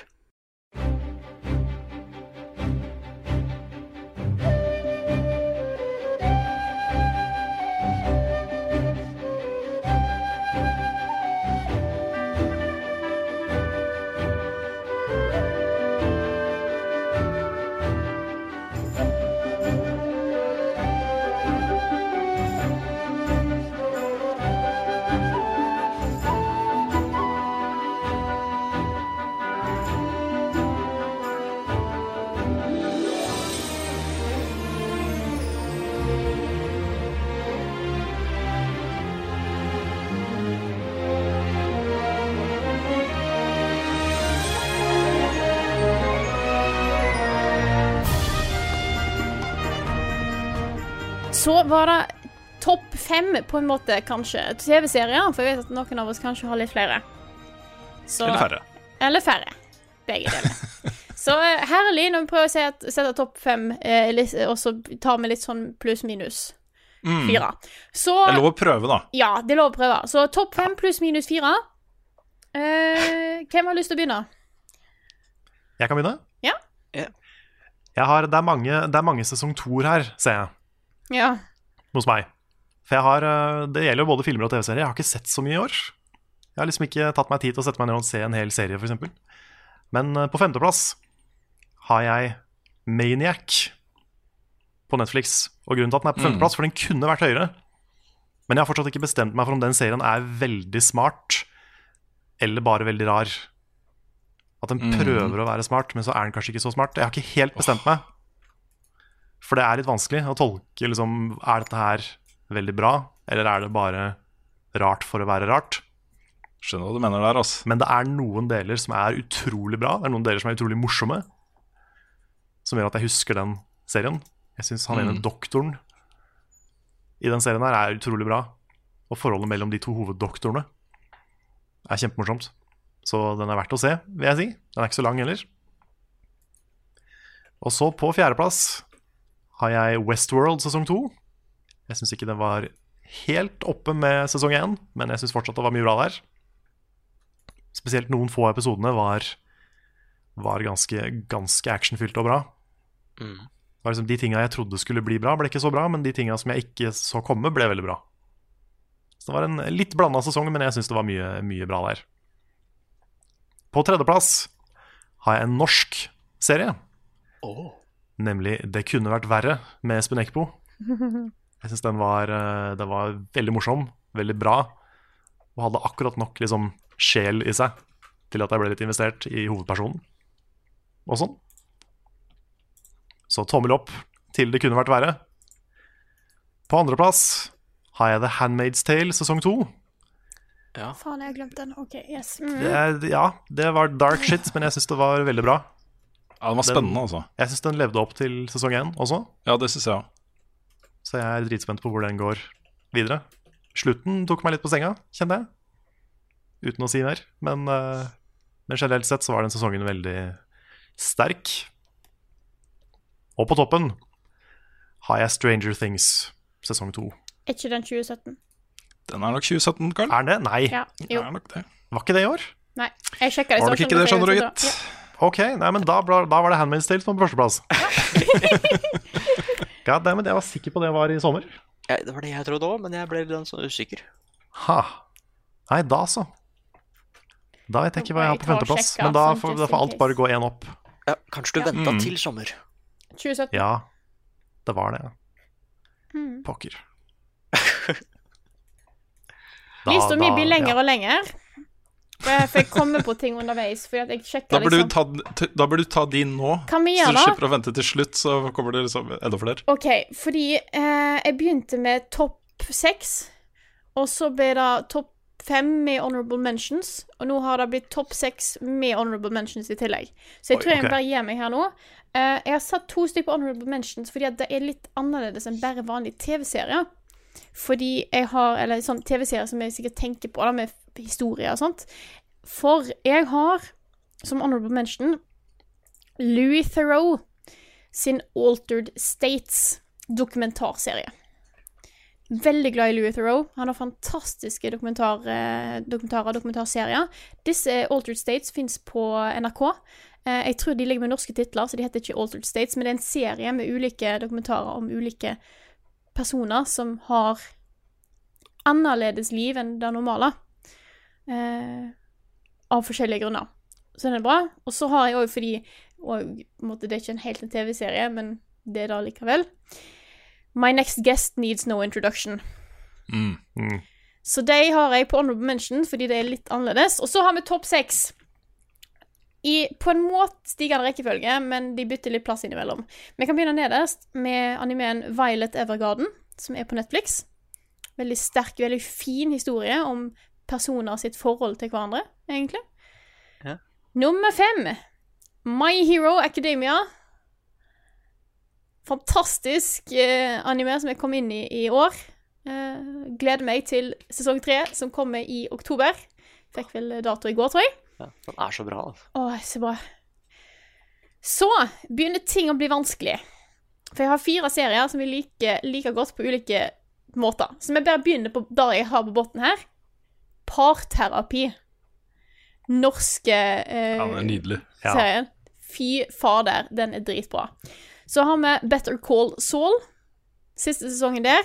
Jesus Christ. Den Oh, yeah. nyeste sesongen. The Handmaid's Tale. Og The Haunting of Hill House. Ja. Hmm. Da er mine. Nice. OK? Mye bra. ja. Du liker vanligvis å gå sist, du, Nick. Har du lyst til det nå også, eller er det Jeg, jeg, jeg kan godt ta nå, for det er ikke så Ja. mye å si, egentlig. Selv om jeg visste ikke at vi kunne ha anime, for kan jeg ta én anime og én TV-serie? Ja, Ja, ja. absolutt. Ja, ja, ok. Fordi TV-serien eh, Den beste jeg har sett i år, da, det er Westworld sesong to.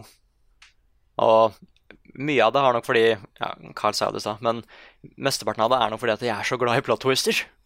Og det er så mange plot twister i den serien, Det er det. spesielt i sesong to. Mm. For det er dette greiene med at vent litt, er dette en robot? Er han en robot? Er hun en robot? og, og jeg digger liksom det med at det bare Nei, nei, nei, dette er menneske. Nei, vent litt, nå gjør han et Nei, vent, er det et robot? Det er sånn fram og tilbake hele tiden, ikke sant? Og så skjer det så mye. Sesongavslutningen er noe av det mest crazy jeg har sett, ikke sant? Jeg har sett så mange sånne teorivideoer på hva som egentlig skjedde i den siste episoden. Mm. Ah, nei, så det er Westworld. Mens favorittanimeen min i år, uh, den heter That Time I Got Reincarnated As A Slime. Å, den har jeg hørt så mye bra om! Ja, for det handler om at eh, hver gang jeg er enig med når en person dør og blir frakta til en fantasiverden eller noe sånt, ikke sant, så blir han eller hun alltid født som en helt, da. Uh, men det som er liksom twisten her, er at uh, uh, han som dør, han blir knivstukket på gata, stakkar. Han blir reincarnated as a slime, da, i en fantasiverden, som blir sett på som bare et av de verste monstra som er, ikke sant. De bare er der. De bare er støy. De gjør ikke noe for miljøet eller noe, da. De, de bare er plagsomme. Men han får en ability som er litt sånn som Kirby. At det han spiser, han får egenskapene til det. Så da blir han plutselig en sånn der superslime, ikke sant? Og det handler om at han skal lage et nytt society for monstre i den verden der. For han føler at det er litt sånn diskriminering og sånn, da. Og den er veldig, veldig morsom. Veldig fint animert. Og den er dødsbra, altså. Ja. Kan jeg komme med en, en på en måte follow-up, men som også er en honorable mention, for jeg oppdaga den i år, men den kom i fjor? Ja. Ja. Det er en serie som heter Konosuba. Det er en Ja! Jeg holder på å se nå, jeg er snart ferdig.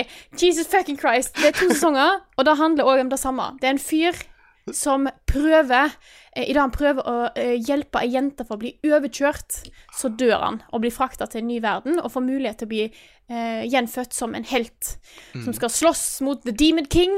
Eh, og så viser det seg at han eh, Han var egentlig ikke så helt imot likevel, fordi at eh, han han som, Hun som han prøvde å redde, hadde ikke dødd hvis han ikke hadde gjort noe. Og han ble heller ikke påkjørt, for den bilen som kom imot, den kom ganske sakte, så han døde av sjokket. Eh, av at han trodde han skulle bli påkjørt. Dette er en komedie der alt går til helvete. Eh, han reiser da til denne verden her og kommer på sånn skal, ja, skal, sånn adventure-lag og skal ha, få med seg noen å slåss med. Han får med seg ei gudinne som ikke kan noen ting. Uh, ei jente som er sjukt sterk magic user. Det eneste hun kan bruke, er explosion magic. Uh, og kun den sterkeste typen, så hun kan bruke ett angrep per dag. Og da utsletter hun liksom et svært område. Så det er alt hun kan gjøre. Og så får hun med seg òg en crusader. Ei crusader som er eh, masochistisk og elsker å eh, ta damage og bli undertrykt. Ja. Så du har da en pervers crusader Supertank. Eh, som, supertank, som Ja. ikke klarer å treffe noen ting. Så du har da verdens dårligste lag her, som skal prøve å eh, være heltemodig. Og det er ingenting som går som det skal. Og det er så mange ufor, altså, sånn uventa jokes og sånt. Ha. Ha. Det, det er faktisk en av de beste animerene jeg har sett. Åh, det er Fordi så det bra. er- Ja. Jeg har sett første episode av begge to. Konosuba og Slime. Ja. For Nick, Nick visste meg de. Ja. Nice. Og du må fortsette, har- altså. Ja, Ja, jeg har begynt på de. Men jeg vil gi en, eh, siden jeg ikke hadde førsteplass, vil jeg gi en ny femteplass til, eh, til siste sesongen av Attack on Titan. Ja. Den var, den var ganske bra. Så har jeg en Mm. komplett femliste. OK, da, Rune. Skal jeg hoppe inn? Ja. Ja, ta to eh, honorable mentions eh, først. Eh, og Det er egentlig til to serier som jeg i utgangspunktet ikke trodde jeg skulle like og bli glad i, men det ble jeg fryktelig glad i, begge to. Altered Carbon, som starta litt cheesy, men som utvikla seg til å bli en ganske stilig. Jeg likte den veldig godt og ble mer og mer glad i den etter hvert. da. Og den andre er jo helt, helt tullete at jeg ble så glad i den serien, men det ble jeg, og kan stå for det. Cobra Kai. oh, ja. Karate Kid vender tilbake med liksom Karate Kid som uh, bilselger og, og hans, uh, bad guyen fra originalfilmen som han fordrukken, dårlig pappa, fraskilt Ja. Det er, det er dårlig, det, men på den riktige måten. Altså, du, du ser så godt at eh, de folka som har lagd dette her, har hatt det gøy med at det er litt cheesy, og at de har hjertet på riktig sted. Så, så den ble jeg glad i. Min topp fem er liksom nesten Jeg har en soleklar førsteplass, men de neste plassene er liksom et dødt løp. Så, men jeg har rangert det, for det må man gjøre når man skal lage liste.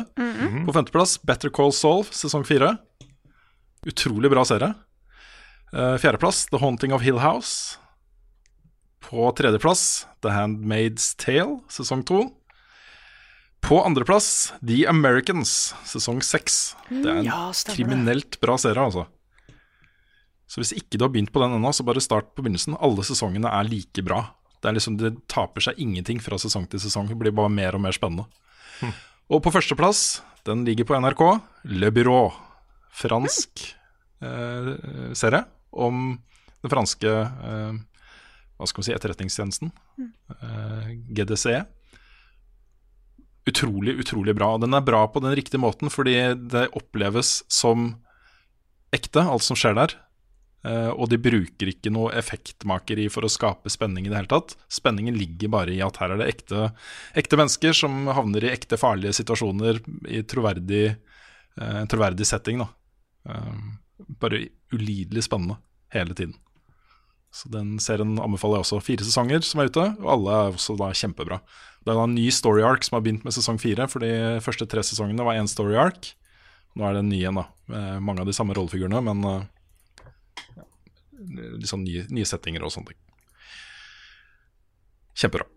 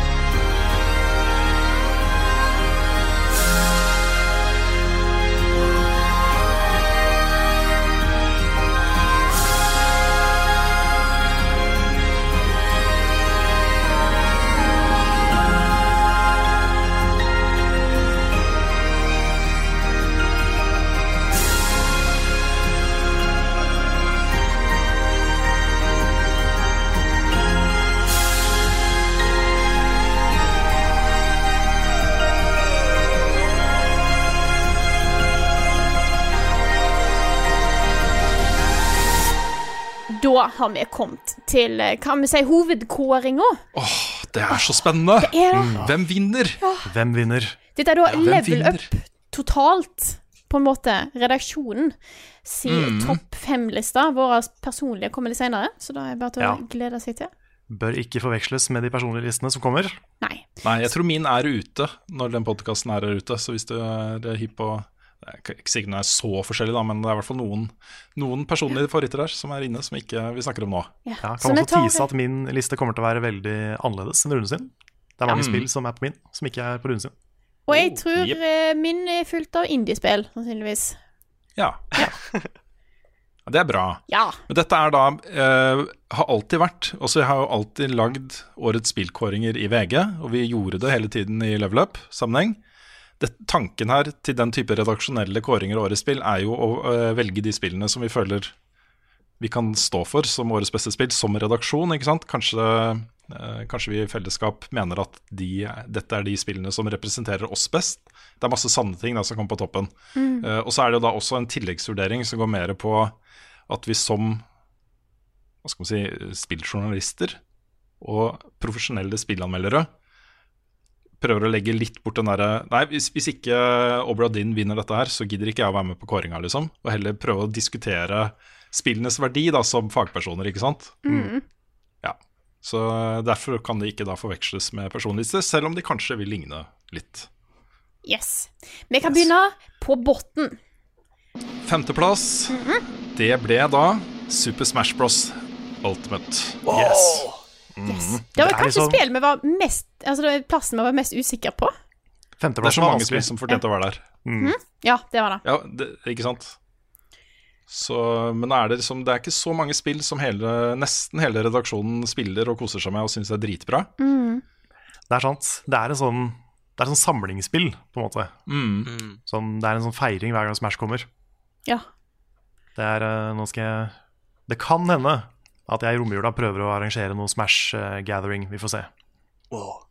Kanskje når den podkasten har kommet ut, så har jeg gjort det. Mm. I så fall var det veldig koselig. Jeg skal prøve å få litt sånn familiefri romjula. Vi snakka om å ta en, eh, en tur og se Spiderman på kino. Yes. Kanskje spise litt egg og bacon, Åh, kanskje? jeg er veldig klar for egg og bacon, Spiderman og Smash i romjula. Ikke sant? De tre tinga. Mm. In that order. Yes. Skal vi bare hoppe videre til neste, eller? På fjerdeplass. Det er også sånn Den kommer ut fra Fra, hva skal man si, buskene på tampen av året. Bare hei, hei, her er jeg. Gris. Wow. Gris. Mm. Det er eh, Også disse topplistene åra har jo alltid hatt noen sanne spill helt opp mot toppen. Stanley Parable, The Witness, Mm. Inside, altså, ikke sant? Ja. Og det, The Witness vant jo. Ja, det gjorde det faktisk. Så gjorde det det.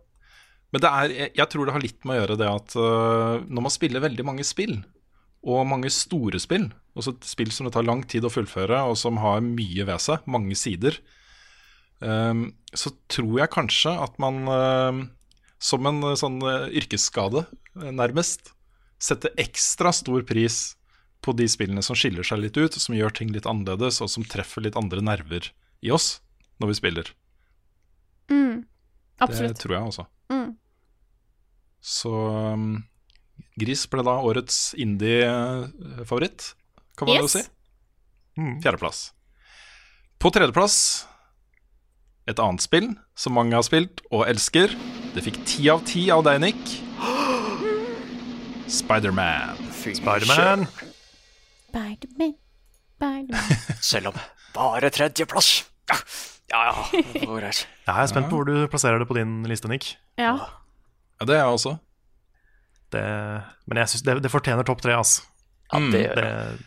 det er helt amazing. Bare den derre den, den åpne verden der, og den svinginga, Mm. det er, det er sånn gameplay-messig noe av det kuleste i år, Mm. syns jeg. Ja. Og den slutten. Oh Og den slutten. Det er noe med den slutten, for den bare, den bare nailer hva det vil si å være Spiderman. Mm. Det- Den er ganske Den er ganske bra, altså. Gleder meg.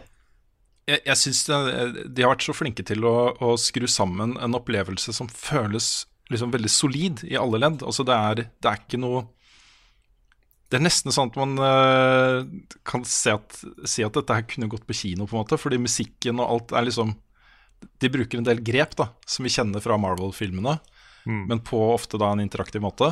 Um, og det, det er så godt skrevet at, uh, at jeg ble veldig imponert over det. Det er sant. Det er sikkert mange som lurer på hva vår topp to er. Ja. Det er liksom Ja, jeg tipper det blir en skikkelig bombe. Men hvem ligger på toppen? Ja, for nå må vi ta førsteplassen. av The. Quiet Man og Fallout 76. Ja. Ikke sant? Ja. Nei, dette, blir, dette er jo en stor diskusjon, og en diskusjon man kanskje aldri blir helt ferdig med. Men det var jo et spill som eh, mange av oss har spilt. I motsetning til et annet spill som ikke alle av oss har spilt, men som alle er helt enige om er fantastisk og fortjener å bli årets spill hos oss. Det er God of War. Yes. Og jeg har en mistanke om at uh, selv etter dere har fått spilt det, eventuelt deg også, Frida, hvis du noen gang får spilt det gjennom Det er liksom et 70-timers prosjekt å komme seg gjennom historien her, ikke sant? Men hvis dere gjør det, så tror jeg fortsatt dere vil rangere God of War over. Ja. Det er noe eget med den historien for meg. jeg lagde en egen det. video om uh, hvorfor slutten på Final Fantasy 15 gikk så inn på meg. Ja. Og God of War er litt det samme. For det handler om den derre En person som på en måte ikke har fått lov å uttrykke noe annet enn sinne og veldig sånn hypermaskuline ting opp gjennom hele livet sitt, på en måte, da. Men som her konfronterer det, blir et litt mer levende menneske. Har plass til litt mer. Og det er sånn, jeg hadde aldri i verden trodd jeg skulle få se det i et God of War-spill. Nei. Det har ikke vært interessant for meg før, men nå er det liksom den sterkeste spillopplevelsen jeg har hatt da, i år. Mm. Så det har mye å si for meg. Nei, jeg endte jo opp med Nå er jo min liste ute, så jeg endte jo opp med å plassere Red Dead på toppen. Det er nesten dødt løp for meg også. Um, fordi God of War er bare Det er noe helt, helt spesielt med det spillet. Og jeg tenker at også Red Dead er den friskeste Den jeg har friskest i minnet. Det kan hende at det har noe med saken å gjøre. Så jeg er spent på selv da eh, hvordan jeg vil plassere det i forhold til hverandre om to måneder, liksom. Eller om to år, eller tre år, eller fem år. Um, jeg har brukt også litt tid i år på For jeg har jo spilt uh, Shadow of the Colossus remaster til det døde i år. Spilte det og spilte det og spilte det masse. Elska, elska det gjensynet der. Og det er jo mitt all time favorittspill. Det er liksom, Hver gang noen spør, så sier jeg det er det beste spillet noen gang. Uh, det er første gang på lenge at jeg har spilt et nytt spill et år. I år, da, God of War og Red Dead Redemption 2. Hvor jeg tenker at her begynner det å blande seg inn i sånn topp fem all time for meg, da. Men det vet jeg jo ikke før det har gått en stund, ikke sant. Nei, ikke sant. Men la de synke litt og, og sånt. Men jeg syns God of War fortjener det, og da ble jo da selvfølgelig Red Dead Redemption 2 på andreplass i vår offisielle level up-kåring. Yes. God of War på toppen. Yes. Jeg syns det er fortjent også. Absolutt. Ja, det er jeg helt innafor. Det er sterke spillopplevelser i år, altså. Det er det. Ja, samtidig så er det, så er det jo de to spillene særlig, da, og Spiderman. Sorry, Nick, og dere andre. Men jeg, jeg mener særlig de to spillene. Min personlige mening, særlig de to spillene. Det er så kvalitetsforskjell på de og de andre skikkelig bra blockbuster-spillene som har kommet ut. Eh, jeg tenker at Spiderman ligger et sted midt imellom der for meg, da. Men sammenligna med f.eks. Far Cry 5, eh, så er det liksom så, såpass stor kvalitetshopp, føler jeg, da. At eh, de blir liksom så soleklare på toppen. Ja, jeg føler i fjor så var det flere spill som var høyere oppe. Mm. Samme med 2015. Det er liksom 2015 og 2017 er to av de beste spillåra ever for meg. Ja. For det var så mye som var så bra. Mens i år Mm. så har det vært liksom noen få som har vært helt der oppe. Ja. Det blir veldig spennende å se eh, hvor ting går herfra. For det er jo helt klart at eh, spillutviklerne legger merke til at uh, den, det kvalitetsnivået som du har sett nå i God of War og Red Dead Redemption 2, eh, er på en måte det folk ønsker. Og det er jo både CG Project Red har jo òg gitt uttrykk for at de òg på en måte ser at Hva var det de sa? At de ville ha et eh, detaljnivå i Cyberpunk 2077 som var på lik linje med Mm. med Red Dead Redemption 2. Så jeg tror at 2019 og framover kan bli veldig spennende. Jeg gleder meg til å se hva vi får. Vi skal snakke litt om 2019 i podkasten etter nyttår, så da Ja, det skal vi. Det Ja, skal da blir det en gjennomgang av det vi gleder oss mest til i 2019. Um, men det er jo så spillindustrien og trender i spillindustrien er jo sånn derre stort tankskip som tar litt, det tar litt tid å snu det. Uh, og jeg er helt enig med deg, Frida. Det, det som God of War og Red Dead Redemption 2, før Red Dead Online kom ut, da, vel å merke, Ja. har, har fortalt oss, er jo at ok, gi ut et komplett spill. En solid, også Hvor man tar sjanser, man tar risker. Man gjør ting folk forventer, ikke forventer at du skal gjøre. Uh, forteller nye typer historier og introduserer nye typer rollefigurer og alt dette her. Uten mikrotransaksjoner, uten å spare innhold til uh, fete delseere uh, og season passes og sånne ting. Bare lag en komplett spillopplevelse. det er liksom det som har gjort det best i år, da. Det er sikkert ikke det som har tjent mest penger, Nei, det er Fortnite. ikke det, sant? Ja. Men, men de, det er de som De har allikevel tjent nok penger, da. Mm. Uh, og det har blitt en sånn ny målestokk. Og hvis du nå begynner å lage den, spill i den gata, da, uh, også spill som er store singleplayer-opplevelser, og begynner å fortsetter å lempe på med mikrotransaksjoner og dele opp innholdet og stykke det opp over det, season passes og sånne ting, så får du, kommer du til å svi for det. Garantert. Åh, jeg Jeg- syns så synd på han der fyren som sa at singleplayer games are dead. Ja, han har fått gjennomgå, ass. Stakkars fyr. Åh, stakkars fyr. Han kommer aldri til å få Folk kommer ikke til å gi slipp på det på mange år. Nei, det er litt litt sånn som da Roger Ebert sa at spill ikke var kunst. Ikke sant? Det er sånn you never Du, du- du blir aldri kvitt det. Men det er, det er så trist der, vet du. Det er jo masse spill som kunne ha blitt dritbra i det her mikrotransaksjonshelveteskjøret som disse store publisherne har kjørt, som har blitt kansellert. De har skrinlagt det med basis i at folk ikke er interessert i, i rene singleplayerspill lenger. Ikke sant? Og de skal være persistent verdener, og det skal være en hobby og alt dette her, liksom. Um, Jeg er også litt redd um, Litt sånn småbekymra for at kanskje liksom Red Dead har satt lista for høyt, jeg, da. Ja. Sånn med tanke på at det tok jo en uh, det, det, det tok jo en menneskelig toll, det spillet. Ja da, uten tvil. Eh, og det er også et sånt tema som bør diskuteres i den sammenhengen. Mm. Men hvis man uh, holder den utenfor, da, så er det jo ikke bare Red Dead Redemption 2 som har uh, naila liksom open world-ting i, i nyere tid. Det er også The Witcher 3, uh, Ja da, Breath of the Wild. Mm. Ikke sant? Og jeg tror liksom de til sammen gir en del sånne lærdommer for folk som skal lage open world-spill framover, Mm. eh, om hva slags grep man bør og ikke bør gjøre da, for at folk skal elske det. Ja, jeg bare håper ikke den lærdommen er at uh, folk må jobbe like hardt som Rockstar-folka. Nei, det er Ja, sant. nei. For det, det hadde vært en skummel lærdom. Ja, det hadde det. Jeg går nå bare og venter på nyheten om eh, Red Dead Redemption 1 remastered. Det er garantert. Jeg er, nest, jeg kan, jeg er nesten villig til å eh, sette penger på at den blir annonsa i løpet av vinteren og kommer ut til høsten. Samtidig med en PC-versjon av 2. Ja, det også går det jo eh, sterke rykter om, da. At eh, Mm. den er på vei. Så Kan være. Skal vi med da si at vi har runda av året 2018? det kan vi gjøre, vet du, Frida. Ja. Det kan vi gjøre. Åh. Da har vi podkasta i flere timer enn jeg tror vi Vi noen har har gjort. podkasta i så mange timer nå, så nå kjenner jeg at det, det tar litt på. Mm. Så skal jeg gå og lage middag. Ja, jeg er sulten. Ja. Lage sånn julemiddag og sånn siden det er midt i romjula. ja, ja. Mm. Men det har vært et bra år. Det har det. Bra år for spill, bra år for uh, level up. Jeg har kost meg masse på jobb, Jeg òg. og uh, Altså, good times. det her har vært, eh, for meg har dette vært tidenes spillår. Det har jo, men jeg har jo spilt Dark Souls 1, 2 og 3. Uh, for Ja. Shadow of the Colossus remaster. Det har vært Minecraft mange hadde du? Ja, det var før Ja, det, var, det gikk litt over, da. Så Ja, det starta før jul, og så gikk det over i 2018 også. Um, og det er det, Når du får liksom God of War og Red Dead Redemption 2 på toppen av det der, liksom, pluss da Gris og en del andre ting jeg har spilt, så det er liksom den pakka det er, Ja, wow. Jepp. Mm. Så med det, så tror jeg at jeg eh, sier takk for eh, Takk for 2018. Takk for alt. Takk for oss. Takk for alt, ja. Det hørtes veldig, eh, hørtes veldig, veldig dystert ut. Mm. Eh, takk til alle som har uh, fulgt oss i år. Eh, takk til alle som har støttet oss på Patron i år. Uh, Verdens beste folk. Verdens For oss, i hvert fall. Det er dere. absolutt. Så med det, så, jeg sa jeg, det er Et par timer siden sa jeg god jul, så nå er det på tide å si godt nyttår.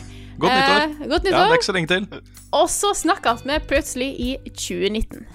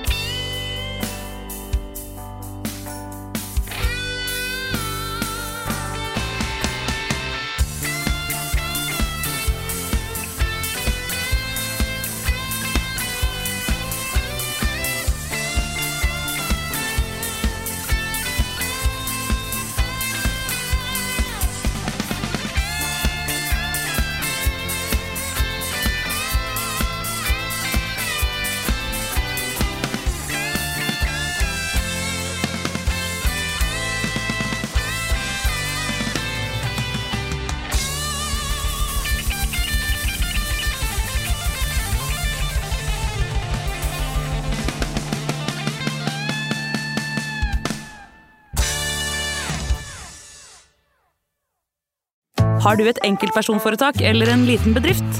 Da er du sikkert lei av å høre meg snakke om hvor enkelt det er med kvitteringer og bilag i fiken, så vi eh, gir oss her, vi. Fordi vi liker enkelt. Fiken superenkelt regnskap.